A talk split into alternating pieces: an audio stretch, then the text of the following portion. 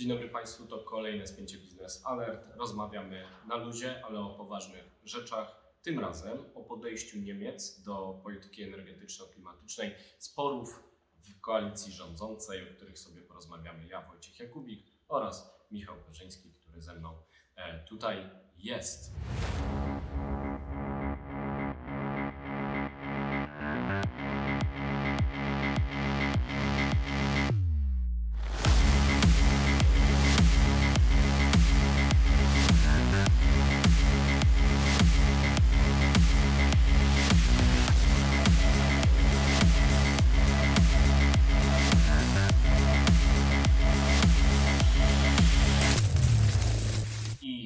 Zaczynamy naszą rozmowę od pytania na początek. Jak y, rozkładają się y, te podziały między liberałami, socjalistami i zielonymi, jeśli chodzi o politykę energetyczno-klimatyczną w takiej pigule? Jeżeli chodzi o em, tutaj pod- podziały pomiędzy uczestnikami niemieckiej koalicji rządzącej, to rzeczywiście można powiedzieć, że te podziały są i są coraz bardziej, wyraźne, są coraz bardziej wyraźne. Można powiedzieć, że w tej kwestii właściwie każdy mówi co innego. Obecnie wygląda na to, że w obliczu kryzysu ener- energetycznego e, Partia Liberalna FDP jest za e, jako jedyna w, tej koalicji jest za utrzymaniem energetyki e, jądrowej, można No powiedzieć. właśnie, czyli Niemcy mają jeszcze 4 GW atomu, 3 elektrownie, Trzy elektrownie mają je zamknąć do końca roku tak. i tylko liberałowie mówią nawet o 5 latach dalszej pracy, a reszta co? Nie tylko liberałowie, tylko e, w ogóle cała Międzynarodowa Agencja Energii zaleca Niemcom utrzymanie e, ostatnich reaktorów jądrowych. ja też bym zalecał, ale to już jest mój pogląd. Pytanie tylko, e, czy, czy Niemcy zdążą, bo do końca roku zostało kilka miesięcy. W tym czasie trzeba przeszkolić cały personel, zamówić paliwo, to wszystko trwa. I rzeczywiście wyglądałoby na to, z czysto matematycznego punktu widzenia wyglądałoby na to, że rzeczywiście no, zamykanie ostatnich reaktorów byłoby nierozsądne, tylko utrzymanie tego też wymaga czasu. Pytanie, czy Niemcy go mają. Tak, Handelsblatt informował o tym, że tuż po ataku Rosji na Ukrainę Niemcy pytali się amerykańskiego Westinghouse'a, czy nie byłoby problemu z dostawami paliwa i według informacji Handelsblatta nie byłoby. Czyli teoretycznie się da, bo alternatywa to jest rozwiązanie, które na przykład y, często prowęglowe SPD proponowało, Dokładnie. czyli co? E, To znaczy alternatywą byłoby tak naprawdę zwiększenie zużycia e, węgla i utrzymanie tych elektrowni węglowych, które są, które Niemcy odziedziczyli po e, NRD, więc właściwie to by się gryzło z celami klimatycznymi uni- unijnymi, natomiast no, wygląda na to, że znaczy Międzynarodowa Agencja Energii mówi, że w dłuższej perspektywie to utrzymanie węgla nie zaszkodziłoby celom klimatycznym, dlatego że zostałoby zrekompensowane szybszym rozwojem źródeł odnawialnej w przyszłości. Pod warunkiem, że dałoby się je zabezpieczyć czymś innym niż gaz, bo gazu nie chcemy, w Niemczech też nie chcą gazu rosyjskiego, do 2024 roku chcą się go pozbyć. Ogólnie sy- sytuacja teraz z gazem jest dosyć ciekawa, jeżeli chodzi o Niemcy, dlatego e, że jak wiadomo, gaz miał stanowić paliwo przejściowe dla niemieckiej gospodarki e, po to, żeby stabilizować odnawialne źródła energii zamiast atomu. Natomiast e, minister gospodarki Robert Habeck miał wdrażać plan mający na celu oszczędności gazu, nie tylko w gospodarstwach domowych, między innymi przekręcając temperaturę, ale też w przemyśle. To też jest pytanie, na ile to jest wykonalne. No właśnie, bo póki co Robert Habeck mówi o tym, że no niestety ta y, rezerwa węglowa będzie Niemcom potrzebna. Zielony minister. E, Rzeczywiście można powiedzieć, e, że to jest pewna ironia, że e, zielony minister gospodarki zamyka atom i, i przedłuża życie węgla. No, y, Niemniej nikt się nie spodziewał jeszcze, y, jeszcze rok temu, że dorwie nas taki kryzys energetyczny, który postawi wszystko na głowie. Ale przed rosyjskim gazem ostrzegaliśmy przez kilkadziesiąt lat, mówiąc o Polsce.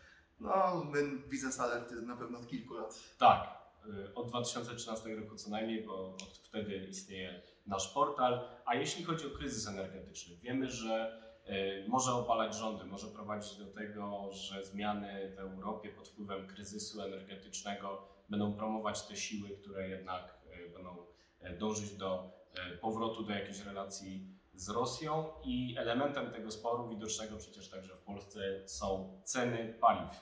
Natomiast w pakiecie Fit for 55 jest propozycja, żeby nie wprowadzać na rynek nowych silników spalinowych po, po 1935 roku. Tak. I to też jest oś sporu wewnątrz koalicji, która, e, no, nawiasem mówiąc, ale oczywiście nasi e, widzowie to wiedzą dobrze, nazywa się Koalicją Świateł Drogowych.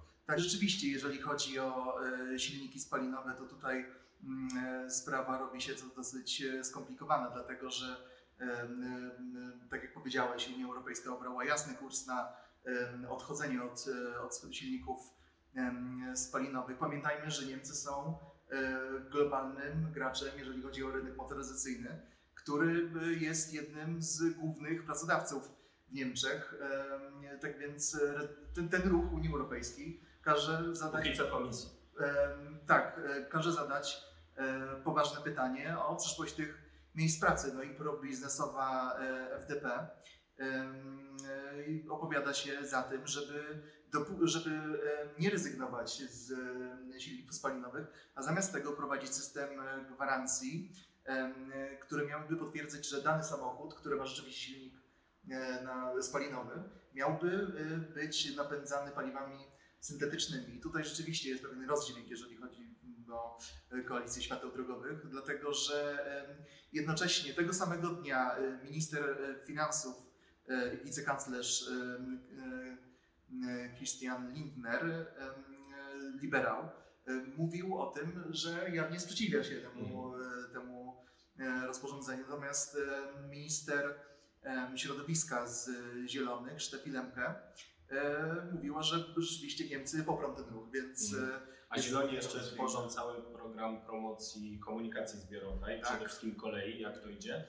e, plany są e, ambitne, rzeczywiście. Przede wszystkim Zielonym też zależy na prowadzeniu zakazu e, lotów krajowych, co rzeczywiście no, e, To jest patrząc trudny na. To jest trudne po- do zrealizowania, jednak patrząc na Niemcy i ich rozwiniętą sieć kolejową, być może bardziej do zrealizowania, dlatego że Niż u nas na przykład, gdzie nie ma PKS-ów do mniejszych miejscowości. ja nie chcę komentować stanu, e, stanu e, polskiej kolei, natomiast e, jeżeli chodzi o tutaj Niemcy, rzeczywiście jest rozwinięta sieć szybkich pociągów, podróż z Hamburga na samej północy do Monachium na samym południu może trwać kilka godzin. Jest też postulat wprowadzenia e, europejskiej sieci międzynarodowej pociągów nocnych, Mhm. że e, wsiadamy do pociągu wieczorem w Warszawie, a budzimy się rano w Amsterdamie, więc e, po, po kilku godzinach słodkiego snu. Więc rzeczywiście na dłuższą, metę jest to pewne Na dłuższą rozwiązanie. metę, no właśnie. Więc y, zarysowaliśmy pewne spory, które są widoczne y, w Niemczech, które e, sprawiają, że e, no, koalicja się kłóci. Ostatnie pytanie mam do Ciebie, czy koalicja mimo to jakoś się porozumie? Tak, e, na pewno się porozumie, dlatego że spadają jej notowania. E, Przede wszystkim spadają e, notowania liberałom i e, SPD, więc jeżeli tutaj zmiana władzy nie jest nikomu na rękę. poza zielonymi? Em, Zielonymi rzeczywiście, no być może tak. E, Tutaj rzeczywiście CDU sobie może by ostrzyło ząbki e, na to, żeby wskoczyć do tej koalicji, jednak to są bardzo e, teoretyczne rozważania i wydaje się, że mimo tych sporów koalicja w Niemczech będzie trwać. Koalicja będzie trwać, dyskusja o polityce energetyczno-klimatycznej Niemiec, Polski, całej Unii Europejskiej i nie tylko, też będzie trwać na biznesalert.pl. Tutaj zaanonsowaliśmy Państwu główne osi sporu wokół polityki energetyczno-klimatycznej. W Niemczech zapraszamy do dyskusji na ten temat w naszych mediach społecznościowych. Bardzo dziękuję Michałowi dziękuję. Tak, sobie też dziękuję i Państwu przede wszystkim. Do zobaczenia w następnym spięciu za tydzień. Do usłyszenia.